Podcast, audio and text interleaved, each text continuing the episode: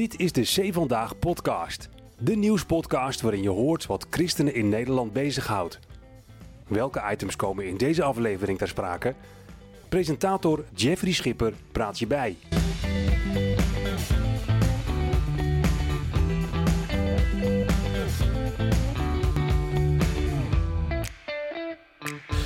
We zitten hier in de achtertuin bij Kees van Velzen, spreker, opiniemaker, voormalig eh, hoofd van de EO Nazorg. En eh, met hem gaan wij uh, wat nieuwsitems bespreken in de nieuwe C Vandaag podcast. Want Kees, wij heten geen CIP meer, hè? heb je het begrepen? Ik, ik, heb, ik, ik ben er in het begin vergiste ik mij, maar tegenwoordig feilloos. C Vandaag. Ja, ja. Oké. En, en klinkt het lekker of niet? C vandaag, ja, ik vind het wel. Ik vond CIP, wat betekent dat allemaal dan, die CIP en ja, zo centraal in is een beetje lastig. Is dat centraal incasso? Sorry.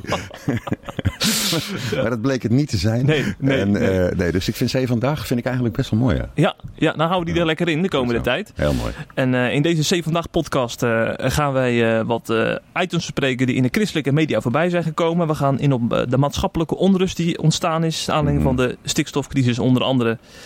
Uh, Creflo Dollar, onze welvaartsevangelist, komt ook voorbij. Want ja. uh, hij uh, kwam met opzienbarend mm -hmm. nieuws. Mm -hmm. maar ook natuurlijk de abortuskwestie die ja. vanuit Amerika overwaait naar Europa gaan wij behandelen. Mm -hmm.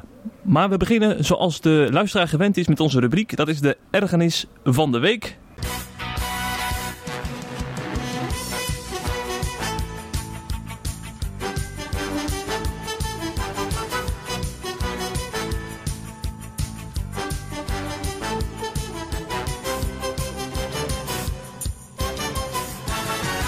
Ergernis van de week. Ik zeg elke keer als ik bij jou zit van ja, maar ergernis is niet goed.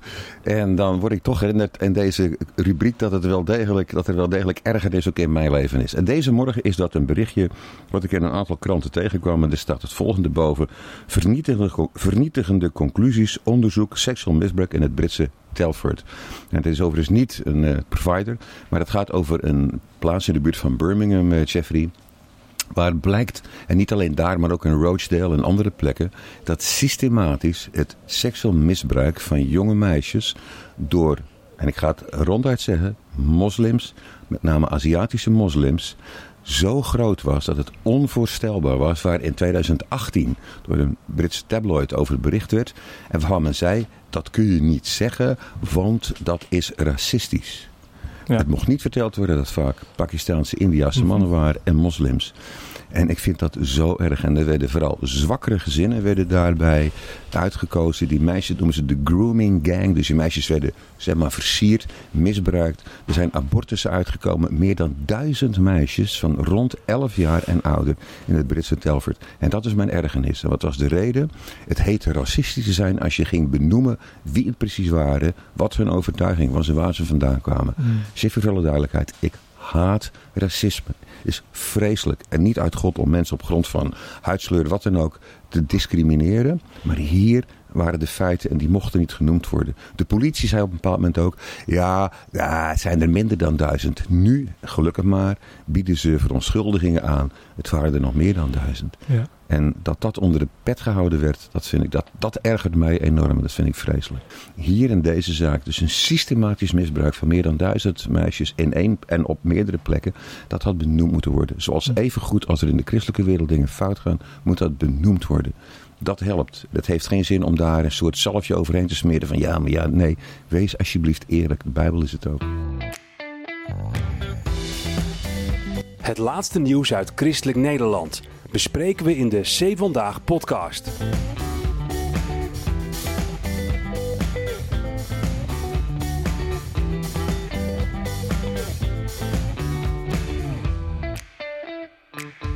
En ik denk dat jij ook vindt dat de Bijbel eerlijk is over het ongeboren leven. Ja. Daar heb je vast ook wel opvattingen over. Zeker. Daar gaan we het over hebben in uh, dit eerste nieuwsitem. Want uh, de abortuskwestie, uh, dat wordt de laatste maanden volop besproken. Aanleiding van natuurlijk het Amerikaans Hoge Rechtshof. Ja, hè, dat heeft besloten om het federale recht op abortus af te schaffen. Dat ligt nu bij de, bij de deelstaten in Amerika. Mm -hmm. En dat wordt eigenlijk een soort van geframed alsof uh, we weer teruggaan naar de, naar de middeleeuwen. Dat heeft mm. Jesse Klaver letterlijk gezegd. Hè, dat uh, de vrouwenrechten worden ingeperkt. Zo wordt het dan uh, uitgelegd. Mm -hmm. En in Europa wordt dat frame blijkbaar overgenomen. Want het Europees Parlement heeft opgeroepen om abortus vast te leggen als een grondrecht. En als motivatie wordt dan gegeven mm -hmm. dat ze zich ook zorgen maken over ontwikkeling, ontwikkelingen zoals in de Verenigde Staten. Eh, maar ook in, in Polen en Hongarije, hè, waarin juist ook de conservatieve krachten die opkomen voor het ongeboren leven uh, steeds meer uh, aan de winnende hand zijn. Ja. En die ontwikkeling willen ze een halt toeroepen. Ja. en daarom is er dus een res resolutie ingediend in het Europees Parlement om van abortus een grondrecht te maken. Mm -hmm. Wat denk jij als je dat dan hoort als het Europees Parlement daarmee bezig is? Dan moet ik terugdenken aan Jeffrey wat afgelopen week gebeurde dat Anton en ik op bezoek waren bij uh, toevallig twee gezinnen. Waarbij net een, uh, ook meisjes geboren waren. In het ene ja. geval de eerste en in het tweede geval het tweede meisje in gezinnen. En bij die mensen die oh, trouwens nog heel dierbaar zijn. Toen we op bezoek waren bij dat stel wat hun eerste kindje had gekregen. Toen zat de moeder prachtig en blij stralend met een, een babytje van een dag oud uh, op haar schoot. En toen zei ze van dat dit, dat dit nou toch in mijn buik zat. Oh ja. Weet je, echt zo, zoals echt zo van dat dat, dat, dat, dat dat in mij groeide en leefde. Nou, zijn ook christenen. En uh, toen hadden we het daar nog even over. Toen zei ik, ik zeg, weet je wat ik dan zo wonderlijk vind? En dat was natuurlijk in Amerika ging het ook over mm. partial birth abortion. Dat er echt sprake was van alle levensvatbaar kind. Ik zeg, de, en, nou, ze kan daar tegen. Ik zeg, nu moet je toch voorstellen dat iemand nu jouw baby hier meeneemt en uit elkaar trekt en doodmaakt. Dat zou een misdaad zijn. Daar zou je levenslang voor kunnen krijgen. Daar zou je in sommige landen de dood voor kunnen krijgen. Want je dood je een mens. En, en op het moment dat het in jouw buik zat, zoals daar helemaal mee eens trouwens, zeg, op het moment dat het in je buik zit, mag dat dan wel? Dat vind ik gewoon moord. En Jeffrey, ik vind het heel bizar dat in. Ik had net over racisme, over discriminatie. Hè, en, en, maar dat je dus zegt van kennelijk is er leven, menselijk leven, wat je mag discrimineren, zoveel als het je wilt, van bepaal jij zelf. Dan moet ik erbij zeggen. Dus, dus ja, het mogen duidelijk zijn dat ik het verschrikkelijk vind. Dat dat in Europa gewoon gezegd wordt van nou, dat is gewoon een recht wat je hebt. Het gaat over een mens. Het gaat over een mensenkind. Weet je, de Bijbel die spreekt over in Johannes, het, even, eh, brief van Johannes op een gegeven moment. Er staat in dat, dat wordt gesproken over een zonde die naar de dood leidt. De Rooms-Katholieke Kerk kent het begrip doodzonde. Daar, daar, daar, daar zijn wij niet zo heel van. Nou, misschien is het goed om eens te benoemen zonde die tot de dood leidt. En daarmee doe ik echt geen afbreuk aan, aan verschrikkelijke situaties die kunnen gebeuren. Dat begrijp ik. Maar tegelijkertijd zijn er zoveel mensen, zoveel christelijke en ook trouwens niet christelijke organisaties, die zeggen we willen er voor je zijn. Ook al ja. zijn hele, dingen, hele moeilijke dingen gebeurd. Dus ik vind het vreselijk dat notabene Roe versus Wade, waarvan het verhaal dan gaat in Amerika dat de vrouw die dus, hè, Roe dan, die dan uh, zich zou willen laten aborteren, daar later van is teruggekomen en gezegd heeft dat dat niet mogen gebeuren. In Amerika heeft men alleen gezegd het is niet een algemeen recht. De staten beslissen uh -huh. zelf. Dat is democratie ook nog. Ja. Dus ja, dat, daar maak je nu handig gebruik van. Dat zal wel, maar ik bedoel te zeggen van laat het alsjeblieft niet in Europa zo gebeuren. Ik vind het bloedschuld. Maar begrijp je dan ook dat eh, mensen die een andere mening dan, dan jij hebben toegedaan, dat ze dat hebben over uh, een achteruitgang op het gebied van vrouwenrechten en uh, seksuele gezondheid? Het probleem is dat het, gaat dan over de vrouwenrechten. En, mm. en nogmaals, het valt me op dat er vooral meer ouderen ouderen in, in, in Nederland, heb ik het dan even over, met name daar zich heel druk over maken. Als ik jongeren spreek, christen en niet-christen, die spreken nog wel eens. Dat, dat, ik zie er echt een kentering van, jongens, dit is niet hetzelfde als een blinde darm weghalen. Mm -hmm. en dat het over, maar wat betekent dat dat voor een vrouw die in de moederschoot is? Heeft die misschien ook rechten? Het is sprake is, Jeffrey, jezelf, hè, je bent ook zelf gezegend met een gezin, hè, twee kinderen. Dat, dat, dat, dat, dat, ja, het zijn jouw kinderen. En tegelijkertijd besef je dat zo'n kind ook zijn eigen gang gaat. Dat het ook een karakter heeft. Dat, dat het zijn eigen keuzes moet maken. Je, het is geen laptop die je kunt zeggen, nou ik heb hem zo geprogrammeerd, het moet eruit komen. Kind heeft een vrije keuze. Hoe gaat het dan met die rechten? Dus ik vind het niet een achteruitgang, ik vind het een vooruitgang voor het ongeboren leven. Ja. Ja, ik begrijp wat je zegt. Maar ik denk dan als zoveel vrouwen dan ook op social media kenbaar maken dat ze bang zijn dat ze da dat straks niet meer baas in eigen buik zijn. Dan, dat, ja. Die emotie komt toch wel ergens vandaan. Ja. De, de gedachte, en het punt is dat, dat hoor je natuurlijk ook wel, dat er mensen zijn, vrouwen zijn die spijt optand zijn, maar dat geldt niet voor iedereen. Eh, dat ze er spijt van hebben, maar een aantal zijn dat wel. Mijn, mijn vraag zou dan zijn, mijn, mijn gespreksonderwerp zou dan zijn, kijk, baas in eigen buik. Je gaat inderdaad over je eigen lichaam. En als je zelfs christen kun je zeggen, ja nee, maar ik heb rekening te houden met God is vader. Het, gezin waar ik het net over had, hebben hmm. een dochtertje een naam gegeven. God is mijn vader, maar in het Hebreeuws. Hè? Jouw lichaam is inderdaad aan de ene kant van jouzelf. En tegelijkertijd groeit er in jouw lichaam iets wat ja van jouzelf is, maar ook niet van jouzelf is. En ik wil graag die overweging, die wil ik aan mensen meegeven. Namelijk besef dat je een keuze maakt die als wij bij wijze van spreken, als iemand hier pas gebeurt nog, was een, een, een kitten was doodgemaakt. Weet je wel, een katje. En verontwaardiging tot en met, want het is, je blijft van het leven af. Nou, als je die criteria hanteert, dan geloof ik dat je een vrouw niet helpt door een abortus. En dan kun je zeggen, oh daar hebben we het weer, een christen paternalistisch. Ik weet wel wat goed voor je is. God weet wat goed voor jou is. En koester dat leven alsjeblieft. Hm. En laat je ook helpen in je keuzes hierover die je maakt. Hm. Ja, het is natuurlijk wel voor christenen ook denk ik in de politiek heel moeilijk om uh, een tegengeluid uh, te geven. Hè? Want ze zijn natuurlijk enorm in de ja. minderheid, ook in het Europees parlement. heb je bijvoorbeeld Peter van Dalen van de ChristenUnie en uh, Bert-Jan Ruijsen van de SGP... die dan tegen die resolutie zijn en ook heel duidelijk mm -hmm. zeggen van, dat abortus geen oplossing is en geen mensenrecht is. Maar ze staan echt alleen, hè? Toch? Ze staan, ze staan alleen in die zin dat ik toch de neiging heb om te denken. Je noemde al een paar landen, ook Europese landen, ja. Eh, die, die wat dat betreft eh, een andere mening eh, zijn toegedaan. Ik heb toch het gevoel, er wordt wel heel veel stampij gemaakt en heel veel gedoe. Maar dat er toch ook in Europa op vele plekken meer een bewustwording is gekomen van waar zijn we eigenlijk mee bezig. En ik vind het als christen van het grootste belang om hier ook voor te bidden. En als ik, ik zei, ik liet, en dan kun je zeggen dat is heel heftig, het woord bloedschuld vallen. Ik vind dat er bloed kleeft aan onze handen. Ik ben ook nog toevallig uh, deze morgen las ik in mijn stille tijd iets uit Johannes Evangelie, maar ook uit Jeremia. En dan zegt God dat dan Israël wordt, wordt gewaarschuwd van bedenk dat ik jullie kan wegsturen en ze zullen in ballingschap gaan vanwege de bloedschuld. En dan heeft het te maken dat kinderen gedood werden. En voor mij is het ja, maar is een verschil of dat die, het kind uit de baarmoeder is gekomen of niet. Aan de ene kant wel, aan de andere kant niet. Het, het is menselijk leven. Dus mijn stelling is dat we voor deze mannen en vrouwen die daar zitten en daarvoor staan, mogen en moeten bidden. En dat niet, ook naar mijn heftige woorden, vanuit een bepaalde arrogantie. Wij weten het beter, maar vanuit een bewogenheid. Lieve mensen, maak dit soort keuzes niet. Maak dit soort keuzes niet. En niet je verheffen boven die ander. En ik vind het zo wonderlijk, ook als mensen hierna zouden luisteren wat wij nu zeggen. Of, hè, en, en, je, en je realiseert je, of je bent je gaan realiseren ik heb een fout gemaakt in mijn leven door bijvoorbeeld een abortus te laten gebeuren. En ook gebeurt ook in de christelijke wereld net zo goed. Dat je mag weten, en dat las ik ook in 1 Johannes 1 vers 9. Als je je zonde beleidt, God is getrouw om je dat te vergeven en te reinigen van alle ongerechtigheid. En als je met oprecht berouw bij God komt, Heer, dat had ik niet moeten doen dan vergeeft hij je. En dan word je gereinigd. Dat is niet goedkoop. Dat heeft Jezus met de hoogste prijs voor betaald. Maar dan wordt het vergeven. En dat vind ik het andere kant. Dus niet vanuit een arrogante houding. Maar vanuit een houding van compassie. Maar wel met duidelijkheid. Wie ook van duidelijkheid, duidelijkheid houdt, is uh, het Reformatorisch Dagblad. De hoofdredactie mhm. schrijft dagelijks in de krant een uh, commentaar. Mm -hmm. En dat hebben ze deze week ook gedaan. En uh, ze hebben daarin toch wel behoorlijk uitgehaald naar het kabinet en naar premier Rutte. Ze spreken van een bestuurlijke bijziendheid, omdat ze merken dat de kloof hè, tussen. Mm -hmm. gewone burgers en, en in Den, en Den Haag steeds groter wordt. En dat er niet geluisterd wordt ook naar mensen die bezorgd zijn.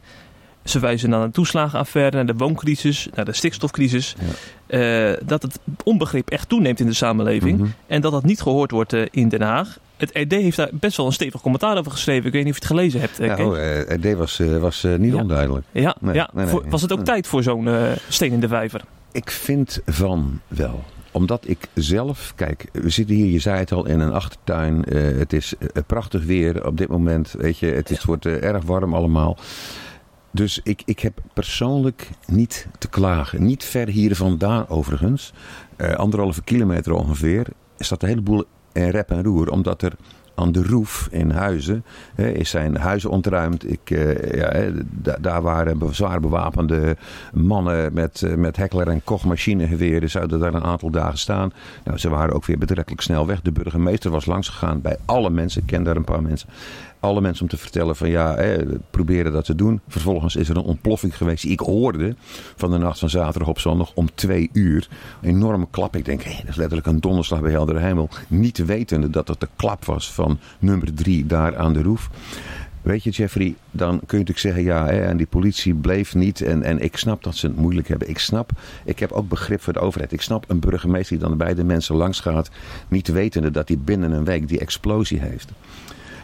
En ik zie ik ook dat men zijn best doet om burgers gerust te stellen. En tegelijkertijd verbaas ik mij over dit kabinet Rutte 4. Hè, soms zeggen ja, het is, het is Rutte 66 in plaats van Rutte 4, maar goed. Hè, maar dat, dat, dat, het lijkt er, ja, ik vind het bijna een soort minachting. En dat zeg ik ook vanuit respect. Ik ken mijn taak, ik, ik bid en ik moet bidden voor de overheid. Een soort totaal gebrek aan respect van dat er ook andere meningen zijn. En ik ga even aan die kant eerst hangen. Ja. Dus ik vind dat een aantal, ook rond die hele stikstofaffaire, ik ben er ook, ik heb me elders daar duidelijk over uitgesproken. Ik vind het een onzindossier. Ik, ik, ik vind het echt, ik ben helemaal abs- absoluut voor eh, je bewustzijn als het gaat over onze verantwoordelijkheid, gaat het over het milieu. Plastic en noem het allemaal maar op. Dat, dat zo streng als maar zijn kan. Maar dat hele stikstofdossier vind ik echt een onzindossier. En eh, ik wil het best nader toelichten, maar dat wil ik nu even gesteld hebben. En het gemak waarmee men dan inderdaad, meneer Remkes, ik heb respect voor Remkes, ik bedoel, hij heeft een aantal dingen kennelijk goed geregeld. Dan pak je iemand die notabene met het dossier is gekomen en die moet dan gaan bemiddelen. En hij kan bemiddelen, maar in zo'n situatie is deze man wel niet bepaald neutraal te noemen. En dan denk ik van overheid, waar is je bewogenheid met mensen? Waar laat je zien dat je een, een parlementaire meerderheid hebt, dat dan wel. Ehm, dat is de ene kant. De andere kant is dat ik ook in onze maatschappij zie, Jeffrey, dat tegenstellingen zich enorm aan het verscherpen zijn. Dat heet dan, oude term, ik weet hem uit de 60 jaren, polarisatie. Dat vind ik wel een mooi woord. Je hebt een Noord- en een Zuidpool. En die continenten gaan echt niet naar elkaar toe drijven. Hè? Tenminste niet eh, zolang deze wereld is zoals die nu is. Dus je ziet een polarisatie waarbij de, de afstand alleen maar maximaal lijkt te worden tussen een Zuid- en een Noordpool. Het gekke is tegelijkertijd, als je dan pak ik het even letterlijk. eh, Dan wordt een metafoor een bijna letterlijk iets. Het, het gaat toch over gebieden waar sneeuw en ijs is. In het ene geval ijsberen en pinguïns. En die, die ijsberen die gaan niet naar de Zuidpool. En pinguïns gaan ook niet naar de Noordpool. En toch zijn er overeenkomsten. Dus ik vind, hè, en polarisatie, dat je toch moet kijken wat zijn de overeenkomsten. En ik kan me dus inderdaad boos maken om een opmerking van Jesse Klaver in verband met dat abortus waar we het net even over hadden. In dit geval moet er ook iets zijn, jongens. Het is een parlementaire democratie. Maar ik vind een regering die zijn burgers moet beschermen en vertegenwoordigen. Vind ik dat deze regering op dit moment niet het beste is wat Rutte daarin heeft laten zien. Hmm. En dan zeg ik het zo voorzichtig mogelijk. Ja, ja. Zullen we ook eens even inzoomen op de rol van eh Segers en de ChristenUnie? Ja. Want dat is natuurlijk... eh, Ja. We hebben natuurlijk nog altijd een kabinet met twee christelijke partijen, hè, CDA en ChristenUnie. En met name op ChristenUnie wordt natuurlijk al gelet, omdat zij, eh, ik denk van, van de partijen wel het meest kritisch zijn Ja. op, op, de, op het beleid. Ja. Er is ook een motie aangenomen op partij, partijcongres dat ze, Mhm. dat ze strenger moeten zijn op ministers die niet integer zijn en die Ja. hun woorden niet nakomen. En eh, dan roept Segers dus eh, niet net voor de zomervakantie op tot eenheid. hè. Hij heeft een heel eh, blogpost op Facebook Ja. gedeeld. Hoe, hoe, hoe las jij eigenlijk zijn oproep? als een oproep van een, als ik het zo even mag zeggen, getormenteerd mens. Als een mens die twee kanten uitgetrokken wordt. Omdat hij aan de ene kant, en dat vind ik moedig, zegt van wij nemen de verantwoordelijkheid. We kunnen aan de kant blijven staan. We kunnen zeggen, nou we maken geen vuile handen. In dit geval maak je vuile handen. En tegelijkertijd ervaart hij, denk ik, ook wat we net hebben besproken met elkaar, dat er die polarisatie is. En dat ook binnen de christelijke wereld er heel verschillend over zaken gedacht wordt. Ik bedoel, dat weet ik. Ik spreek in diverse kerken en gemeenten en ik weet dat er verschillend over dingen, ook ethisch-morele zaken, gedacht wordt. Dus ik heb het gelezen als een, als een moedige poging om te proberen begrip te hebben voor een aantal standpunten. Maar ik kan me ook voorstellen dat je op dit moment, ja, als je boeren bent, en die zijn er. Ik zag een prachtig plaatje van biddende boeren, zelfs geknield soms. En hè, met de hoofden gebogen en de handen gevouwen. Een plaatje wat ik eh, tegenkwam. Dat ik als boer kan voorstellen, ja, ik heb ChristenUnie gestemd. Maar wat doe je er nou eigenlijk mee? Ga je nou mee in die, in die onzin? En zijn, ik heb zijn poging gelezen van alsjeblieft, hè, laten we elkaar vasthouden. Dat vind ik altijd een aparte uitdrukking. Maar het, ik kan me voorstellen dat het heel, heel lastig is op dit moment om deel van deze regering uit te maken. Mm. En ik zei niet voor niks. Ik vind het meer Rutte, D, Rutte, D, Rutte 66 dan Rutte 4. Mm. Dus aan de andere kant zeg ik ook tegen de ChristenUnie, alsjeblieft, houd je rug recht en wees dan niet bang om desnoods een keuze te maken waardoor dit kabinet niet kan verder gaan. Ja, ja want ik vraag me ook wel eens af. eh, Wanneer is de geloofwaardigheid van de ChristenUnie dan echt in het geding? Hè? Want we hebben nou de toeslagenaffaire gehad. Eh, Vervolgens eh, is, is men demissionair geworden en is men in dezelfde staat, eh, is het men na de verkiezingen weer met elkaar gaan doorregeren. Terwijl uh, Segers had gezegd, Ja. dat doe ik niet meer met, met, Ja. met, met, eh, met, Met Rutte. Rutte. En daar is hij toen op, op teruggekomen. Heeft hij wel heel eerlijk benoemd Ja. dat hij te veel op de man heeft gespeeld. Dat, zo zie je hem dan alweer. Maar dan denk ik van, hoe geloofwaardig is de ChristenUnie nog als zij dan zeg maar gewoon hè, lokaal ook het gewoon gesprek voeren en, en, en naar die burgers luisteren? Ik, ik vind dat een, een lastige. En Ja. weet je, ik vind het altijd lastig om daar wat negatiefs over te zeggen. Snap heb ik het wel over broeders en zusters. Maar Ja. in dit geval, ik ben geen lid van die partij. Ik ben geen lid van welke partij dan ook. Eh, ja. Ik ben geestelijk onafhankelijk ben ja, jij. ja, ja, Die, is van de, de- ik mag hopen van de Jezus Christus Unie. Hè, dat, dat, eh, Ja, ja, ja, ja, ja, ja. Maar ik, ik moet je zeggen dat ik zou eh, echt willen dat toch ook in dit geval het ChristenUnie een wat ander geluid zou laten horen. En zich zou realiseren van jongens, dit dossier, daar, ik, en, er is nu al gedoe over dat minister Kaag ook zei. Van ja, misschien is het toch niet helemaal goed gegaan hè, met dat gebeuren en zo. En, en, en, en nogmaals, ik, toch even er iets over. Dolph Jansen, cabaretier. hè? Oh ja. Die heeft op een bepaald moment had een interview met iemand. En toen zei hij, ging het over die stikstofcrisis. En toen zei Dolph Jansen, nou, het is een, een, echt een, wat je noemt een linkse rakker. Hè? Hm? Ehm, en die zei op een gegeven moment, ja, Dolph Jansen notabene, van, maar het is een Europese richtlijn. Wat trouwens nog wel blijkt mee te vallen. En zeg maar, ja, wat gebeurt er nou eigenlijk? Ja, er groeien wat meer brandnetels. Eh, jongens, kom op. En dan zie ik een boerenstand. En ik ken ze over het algemeen vrij goed. Want we kopen vaak rechtstreeks bij boeren. Ook hier in de polder richting Lelystad, zeg maar. Hè? En ik hou ervan om dat te doen. Verschillende contacten met deze mensen. En zij, zij hebben de afgelopen jaren zoveel gedaan. Gewoon om het goed te doen. Veestabel is kleiner geworden in Nederland. Mhm. Er is dan best mogelijk een weg te gaan. Maar ze, ze zetten zich zo enorm in. Ze doen zo, hebben zo'n prachtig beroep. Steun alsjeblieft die mensen. Ja. Ik, ik, ik, ik, ik, sprak zondag, afgelopen zondagavond in Oldenbroek. Nou ja, de, de omgekeerde vlaggen die staan daar, eh, Ja. weet je wel, eh, langs de kant van de Maar die moeten daar nu weg van de burgemeester. Heb je het gehoord? Nee, dat heb ik niet gehoord. Ja, dat is het laatste nieuws. Die, Oh. dat, omdat er heel veel mensen beledigd zijn, eh, dat Oh. Gaat de burgemeester ze verwijderen. Ja, ik ben benieuwd. Ja. Ja, maar, maar, maar het laat opnieuw zien dat... dat, dat eh, ik heb hem ook niet opgehangen hierover, dus dat, dat kun je zien. Nee. ik heb wel een vlag, maar niet omgekeerd heb ik hem. En tegelijkertijd heb ik daar heel veel sympathie mee. Hm. Zou mijn gedachten zijn naar de ChristenUnie, alsjeblieft jongens. Hou niet koet koet, koet vast aan dit kabinet, alsjeblieft niet. Ik sprak laatst dominee Floris den Oudste. Dat is een, eh, een PKM-predikant in Maasdijk. En Mhm. die heeft eh, op allerlei plekken gestaan eh, als dominee waar ook heel veel boeren zijn. In Zeeland en in Twente. Dus die heeft veel affiniteit met die mensen. En die zegt, ik moet nou mijn profetische rol opnemen. Want ik zie dat de sociale onrecht toeneemt. Mhm. En al, ik ben daar juist geroepen, juist als dominee, om voor hen op te komen. Dus Ja. hij is naar de boerenprotest in Stroe geweest bijvoorbeeld. Ja. Maar als ik dan zie wat hij van collega-dominees over zich heen krijgt, omdat hij eh, daarin Mhm. meegaat, dat is... eh, Ja. dan denk ik van, dat moet toch ook stiekem toch aan die profeten denken in, in het Oude Testament, die ook voortdurend van alles over zich heen kregen, maar desondanks Ja. eh, voor het recht opkwamen. Hè? En misschien is het een beetje Ja. een ongelukkige vergelijking natuurlijk, maar Nee, maar ik, ik, ik vind dat wel toevallig. Ik weet niet of je dat weet, maar ik had ook naar Stroe willen gaan. Ja. Met, met de motor van, van een van mijn zoons. Alleen ja, er kwam wat tussen. Maar ik had het precies hetzelfde. Ik, Ja. ik had er daar naartoe willen gaan om mijn solidariteit te betuigen. Ik, ik vind het lastig om vanaf een preekstoel dat soort dingen te zeggen. Eh, omdat ik niet wil, kijk, ook als de een vindt eh, dat het niet terecht is. Ik, wil, ik ben niet benauwd om meningen te geven, dat, dat weet je van me. En Mhm. tegelijkertijd pas ik er, moet ik er erg voor uitkijken om de, vanaf de preekstoel ja. dat niet te doen. Maar ik, ik heb een aantal momenten laten blijken. En ook in voorbeden waar ik, waar ik sta. En ik ben blij dat hij dit gezegd heeft. En ik vind ook dat. ehm, dit is wel een democratie. Hè? Je mag elkaar proberen te overtuigen van dingen. Laten we dat doen. En alsjeblieft. ehm, ik, ik, ik, ik zie boeren die en nog een ander punt, en dat raakt me helemaal. Ook het, het- de suïcide onder boeren, de zelfmoord van Oh ja. mensen die hopeloos zijn. Ik vind dat zo erg. Dan zeg ik ook, doe dat niet. Het is nooit een oplossing om een eind aan je eigen leven te maken.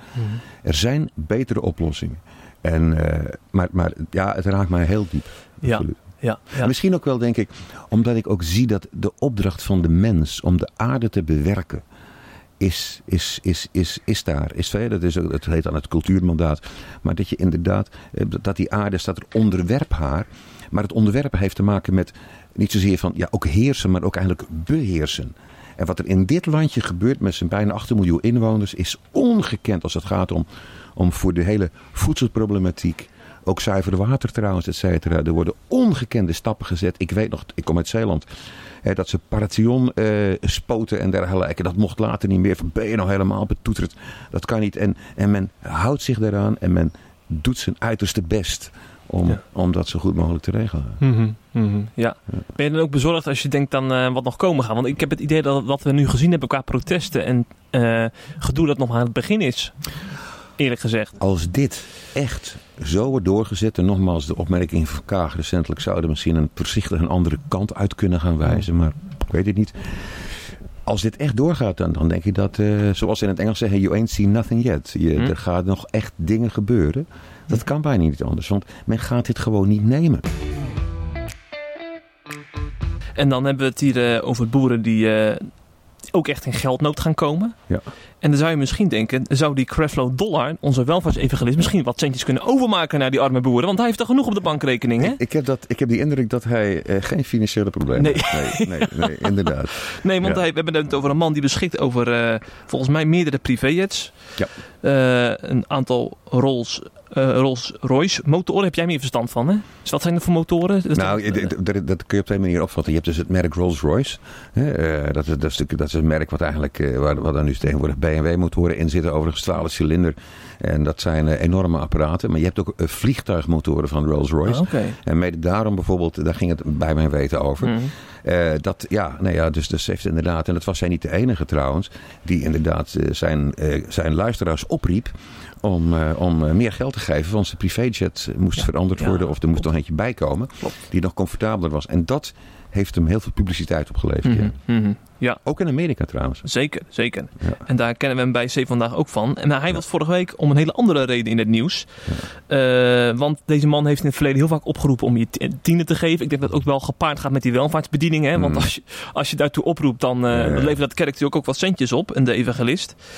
Eh, maar hij eh, heeft nu een soort van, ja, hoe moet ik het zeggen, eh, een soort ommekeer meegemaakt. En dat hij zegt dat dat, dat toch niet echt een, een, een, letterlijke opdracht voor, voor christenen is. En dat, je dat, dat, dat je het toch meer door de bril van het Nieuwe Testament moet bekijken. En dat je dan dat allemaal minder letterlijk moet opvatten en zo. Maar hij heeft dus geen excuses gemaakt. Maar hij heeft dus wel duidelijk gezegd dat hij daar nu heel anders over denkt. Mhm. Eh, en dat hij eh, eh, ook, ook niet meer dat soort preken over het geven van tienden zou houden als in het verleden. Ja, ja. Komt, komt dat eigenlijk dan oprecht over, zo'n zo'n betoog bij jou? Ja, ik, ik, ik zelf, ik, ik heb hem vroeger als spreker wel een aantal keren beluisterd. En ik, ik, ja, ik houd heel erg van de black gospel preachers. Hè. Ik vind de passie en alles vind ik, vind ik fantastisch. Ehm, tegelijkertijd was het inderdaad opvallend hoe daar oproepen gedaan werden. Ik moet er wel één relativering bij maken, eh, Jeffrey, dat is deze. Ja. Dat ah, in Amerika zijn er heel veel dingen hetzelfde, maar ook heel veel dingen anders. Ja, ja, ja. En iemand vertelde mij is dat bijvoorbeeld als iets eh, succesvol is, dus het groeit en bloeit. Dan zeggen eh, heel veel Amerikanen, ja, daar wil ik in investeren, want dat is succes Ja. en het moet groter worden, christelijk of niet christelijk. In Nederland zeggen we misschien soms vaker van, oh ja, maar als het niet goed gaat, dan moet je juist helpen. Hè, dan proberen, wordt het misschien wel tot een succes of tot een zegen. Amerika zegt nee, als het een zegen is, dan gebeurt dat gewoon en daar wil ik in investeren. Dus natuurlijk, op het moment dat wij die oproepen zagen van Creflo Dollar, hadden we echt zoiets van: jongens, wat zullen we nou beleven? Maar ik denk dat hier twee dingen spelen. Nou, Punt 1. Op het moment dat jij voor jezelf zoveel geld vraagt om je privéjet hè, te kunnen uitbreiden of je vloot, dat vind ik een heel ander verhaal. Het geven van tienen, want dat is eigenlijk je vraag, heeft dat een bijbelse basis? Ja. En voor mij geldt deze tekst: God heeft de blijmoedige gever lief. En dat betekent voor mij dat op het moment dat ik geef, dat ik dat wil doen met een blij hart. Dan kun je zeggen, ja, dan geef je helemaal geen cent meer. Want het is veel leuker om het voor jezelf te houden. Hè, en alles te kunnen oppotten en nog andere auto te kunnen kopen. Dat is onzin. Want het is, zegt de Bijbel, zaliger om te geven dan te ontvangen. Geven, God is de God die geeft. Hij heeft zijn zoon gegeven. Hij geeft je alles wat tot leven en een godsvrucht strekt. Hij, geeft, hij, hij is een God die geeft. Dus dat er een norm bij gehanteerd wordt van tiende, dat wordt wel degelijk in het Oude Testament genoemd. Ja. Ik heb er geen probleem mee. En in theorie, als er een groep is van ongeveer 10 tot 20 mensen die, als ze eh, een, een gewoon normaal inkomen zouden hebben, als ze die zegen zouden hebben, die zouden dus al iemand kunnen supporten, bij wijze van spreken, of een zendeling, als je met 10 of 20 man, mensen bent. Als iedereen zijn tiende geeft, bedoel Als iedereen Ja. zijn tiende geeft. En ik zeg wel eens tegen mensen: het geven van tiende. Of zeg je, je mag 90% zelf houden. Hè, en ik, ik vind het dus om er een wet van te maken. Dat probeer ik te nuanceren. Te zeggen, de blijmoedige geven. Maar als ik merk dat, ergens, dat ik zou geven en ik word er niet blij van. Dan kijk ik eerst naar mezelf en vraag ik aan God van Heer. Waarom word ik hier niet blij van? Moet ik hier misschien mee stoppen? Of moet ik misschien hiermee doorgaan? En op het moment dat ik me realiseer, ik mag bijvoorbeeld hier een gemeente mee steunen, ik mag een gezin steunen, ik mag een zendingsorganisatie steunen, daar word ik blij van. Ja. En, dat is heel interessant. Aan het einde van het jaar, hè, of aan het begin in de maanden eh, februari, april, dan moet je dus kijken wat je giften zijn. Oh ja, ja klopt. Dan word je steeds blijer dat je zoveel hebt gegeven. Waarom? Omdat het aftrekbaar is van de belasting. Dat is ook de eerste vraag die mensen stellen. Heeft het een ambistatus? Ja, nee, precies. Ja, ja. precies. Maar het is, zelfs als het geen ambistatus heeft. Maar dan merk je dat er een stuk vreugde zit ook in geven. Ja, maar daar ben ik dan zelf. Ja, en eh, da- daar heb ik dan zelf het profijt van. Dat mag zo wezen. Tegelijkertijd mag je ook zeggen van... eh, ik, ik mag er anderen mee helpen. En ik zegen die mensen en ik bid daarvoor. En dan word je een blijmoedig gegeven. Ja, God heeft, dat, heeft die persoon lief. Dus ik wil eigenlijk het principe van 10% van je inkomsten geven is goed, maar je moet er geen wet van maken. Exact. Hè? En je mag gerust meer geven. Ja, ja, ja, ja. ja, ja. ja. Nee, maar dat, dat, dat, dat, dat heeft te maken met. eh, Paulus heeft er een heel stuk over geschreven in de Korinthebrief. Van niet afgedwongen. Hij zegt: neem dat van tevoren in je hart voor en leg dat apart. Mhm. En dat als je dat als gezin mag doen, dat is fantastisch. Dat je met kinderen mag zeggen: Nou, die zijn wij nou aan het helpen. Ja, ja. Maar dan, zo iemand als Creflo Dollar zou eigenlijk dan veel meer van zijn 10, dan 10% moeten geven. Want denk, als je dan zoveel miljoenen op de bankrekening hebt staan, dan mag het ook wel, eh, als je dan Ik echt zou- evangelist ik- bent. Ik, ik, zou, ik, zou het, ik zou hem dat graag adviseren. En eh, we hebben natuurlijk ook een Nederland meegemaakt van mensen die miljoenen scoorden. Eh, en, en dan zie je, en daar waren we zeer verontwaardigd over. Ja, dat begrijp ik. Tot het moment dat je ze mogelijk zelf hebt. Dus laat ook alsjeblieft uitkijken voor Ja. een stuk persoonlijke schijnheiligheid. Maar ik zou broeder eh Creflo Dollar, wat een schitterende naam. eh, zou ik graag adviseren van joh, laat nou eens zien. Geef jij nou eens datgene. Mm. Hè, En, en hoef je niet, en er staat er, dat is ook nog interessant. Laat je linkerhand niet weten wat je rechterhand doet. Ja. Ehm, dus, dus bazuin dat niet uit, maar doe het in het verborgene. Mhm. En God zal je zegenen. Eh, laat ik nog even een kritische reactie van een eh, voorganger op Facebook erbij pakken. Ja? Hij zegt, totdat Dollar de mensen terugbetaalt voor alle boeken en video's die ze van hem hebben gekocht, ben ik niet ontroerd door zijn nieuwe onthulling, die trouwens nog steeds gebrekkig is. Dus hij is nog steeds wel sceptisch over zijn eh Ja. eh, ommekeer, zal ik maar zeggen. Begrijp je dan zo'n reactie of is het dat een beetje cynisch? Nee, ik zou dat... Ik joh, kom op, weet je. Als hij inderdaad in zou zien Ja. hè, van ik had dit zo niet moeten doen. Geef iemand dan ook de kans. Ja. En ik bedoel, kijk, vergis je niet. Ook, ik heb het gewoon net over Amerika. En ik Ja. houd van Amerika en ik houd van Amerikanen. Maar mensen hebben ook een keus gemaakt om dat te geven. Nou, dan, dat dat vind ik ook zo mooi. Kijk, wij ondersteunen ook bepaalde zaken vanuit ons gezin. Als nou blijkt, als nou zou blijken dat een aantal van die dingen niet klopte en dat het fraude was, dan zou ik zeggen van heer, ik heb het aan u gegeven Ja. en eh, oké, aan die persoon misschien of aan die persoon of de organisatie van die kerk, ik laat het daar. En het is aan u om daar eh, iets mee te doen. Hm. En dan zou ik mensen blijven zegenen. En eh, nou, dat vind ik heel belangrijk om dat te mogen doen. Hm, hm, hm. Ja. Wat dat betreft ehm, zegt het ook wel... eh, de, de manier waarop je naar geld kijkt en met geld omgaat... Ja. zegt ook heel veel over je relatie met God. Hè? Want als je er meer van Ja. het terugeisen bent... of van op je recht te staan... dat Ja. zegt ook heel veel over hoe je er in het leven staat. Ja. Zeg maar. Kijk, wij bevinden ons nu, eh, Jeffrey, op in Blaricum. Ja. De rijkste gemeente van heel Nederland. Nou, je ziet mijn huis, je ziet de oprijlanen, je ziet de but- butlers hier rondlopen. Nee, nee dus. Hè. Maar we hebben gewoon een, een, een, een heel fijn huis waar we heel blij mee zijn. Ik ben niet jaloers aangelegd. En ik zie soms hier auto's rijden. Ja. Klassieke auto's, klassieke sportwagens. Dat ik denk van wauw. Denk ik, als mensen daar blij van worden, ik vind het prima. Ik zeg wel eens Jeff, er is maar één categorie mensen waar ik jaloers op ben. En dat zijn organisten. Oh ja? Dat die in een groot kerkorgel, achter een groot kerkorgel gaan zitten, de goede knoppen omzetten en zomaar kunnen spelen en die kerk Ja, met geluid ja, vullen. ja. Ach, en dan, dan ben ik niet jaloers, dan geniet ik ervan dat ik met die mannen en vrouwen mag samenwerken. Jaloezie is zo slecht. Gun mensen, alsjeblieft. Joh, Hm. geniet ervan. Dat een ander een, een voordeel heeft en misschien jij niet, geniet ervan. Wees blij. Ja. En laat je daar niet door beheersen. En, en dat vind ik eh, ja, voor mezelf. En zo ben ik niet altijd geweest hoor. Dat zal ik ook eerlijk bekennen. Zei, ja, maar die krijgt eh, net iets meer salaris als ik. En hoe zit het Ja. dan? Ik heb ontdekt dat in Jezus Christus zijn alle schatten van wijsheid en kennis verborgen. En aan hem heb ik genoeg. Hm. Absoluut. Ja, ja. En ik denk ook trouwens dat eh, het Koninkrijk hier wel heel wat christelijke ondernemers kan gebruiken. Hè? Nou. Bijvoorbeeld zo, zo Jan van der Bos, hoeveel die kan betekenen met al zijn... Eh, hè, met al zijn Ja, Jan, en, er staat er ook even vereer de heren met je rijkdom. En ik, nou Jan, inderdaad is daar een goed voorbeeld van. Maar ook andere ondernemers die ik ken. Ehm, Billy Graham, wijle Billy Graham, ja, werd die heeft geholpen ook door- geld. Eh, die had, ja, maar die werd geholpen in het begin van zijn bediening door, eh, was dat ja, Le Tournome Lee Turner zeiden ze daar. Dat was een Texaanse bouwondernemer. Die gaf 90% van zijn inkomen weg. Ik zei, ja, Hallo, als, jij, hé. als jij een miljoen dollar per maand verdient, dan is dat niet... Maar die, en mede daardoor heeft deze man ontzaglijk veel goede dingen kunnen doen. Vereer de Heer met je rijkdom. En nogmaals, als zakenmensen, ik, ik ken een aantal die buitengewoon vrijgevig zijn. Ja, ja. Maar, heel kritisch ook hè. Mhm. Ze zijn heel kritisch omdat ze zoveel aanvragen krijgen. Ja, tuurlijk. ja maar die- dat moet ook wel. En dat ze ook zeggen dat ze dat overwegen. En Ja. dan ook eerlijke keuzes maken. Zeggen dat wil ik wel en dat wil ik niet doen. Ja, ja, ja, ja zeker. Ja. Het is maar goed dat we niet weten over wie het hebben. Want als je daarmee te koop gaat lopen, dan, eh, dan, eh, ja, dan is het niet- meer integer. Hè? Dus maar goed dat Ja. die mensen dat eh, voor zichzelf houden, toch? Ik was, ik was, een tijdje geleden sprak ik iemand. En die rijdt een broeder. En eh, als hij het luistert, dan weet hij het. Maar Ja. anderen maakt niet Ja. uit. En die rijdt met een eh, Porsche, een nieuwe gloednieuwe Porsche Carrera 4. Wat een ding, fantastisch. En hij zegt, hij zegt... ja, hij zegt, ik, vind, ik heb hem een eindje verder. Ik wil toch niet dat men, een eindje verder weggeparkeerd. Ik wil niet Oh, dat mensen dat zien. Dus ik zeg, broeder, moet je eens luisteren.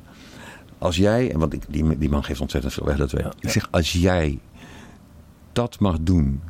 Ik zeg, heb jij kinderen? Ja, zegt hij. Ik zeg, wat vind je nou mooi? Ik zeg, hij zegt dat mijn kinderen genieten. Zeg, als jij kind van God mag zijn, wil God dat je ook geniet. En dat betekent niet dat je mensen probeert, eh, nee, maar als je op een eerlijke manier gezegend bent, je hebt dat soort geld bij elkaar kunnen krijgen, vind ik het prima. Mhm. Geniet ervan. Ja, koop zo'n ding. Ja hoor, ja, En lekker toeren. absoluut. Ja. Ga je ook nog toeren deze zomer, eh, Kees? Heb je nog plannen? Eh, ja, wij, eh, wij zijn ehm, van plan om eigenlijk toch wel in Nederland te blijven met de caravan. We zijn de Oh, afgelopen jaren eh, hebben we dat niet gedaan eigenlijk. We hebben een, eh, een, een wat oudere caravan, maar daar zijn we heel blij mee. Ja. Dus ja, we hebben nog een kans om op een eiland in een rivier op vakantie te kunnen gaan hier in Nederland. En we hopen te gaan naar een, eh, een, een, een. Hm. camping die luistert naar de naam Shalom. Dus, eh, dus nee, we mooie gaan, naam. ja. En jij, ga jij nog op wilde dingen doen? Wij deze- gaan een weekje naar Drenthe met, met de family. Ja, ja, leuk, ja. man. En dan nog een weekje thuis. Want we moeten ook nog even thuis genieten natuurlijk. Hè, van, van al die veranderingen met een kleintje. Ja, ja, ja, ja. ja. Dus, eh, Zippora. ja, ja onze, onze dochter. Ja, Fantastisch man. ja Mooi. zeker. Eh, Kees, bedankt voor je bijdrage zou ik willen zeggen. Graag gedaan. En eh, ik zou zeggen, na de vakantie eh, ben je vast nog wel eens een keer te horen in de podcast op een later moment. En, en van harte welkom. We zitten hier met smeltende chocola geloof ik. Maar Ja, die gaan we nu opeten hoor. die gaan we nu opeten. Ja, Zo is dat. Oh, me- mevrouw van Velsen heeft heerlijke chocola gegeven. Mevrouw, nu is nog steeds in de podcast. Vertel eens even over deze prachtige tuin.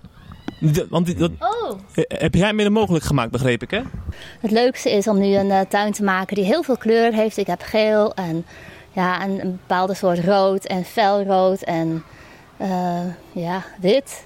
Ja, het is echt een, het is een, het, ik vind zelf ook een hele mooie tuin. Waar ik mee bezig ben is om de vaste planten die nu op mijn terras staan straks in te graven. Zodat ik minder werk heb aan mijn tuin.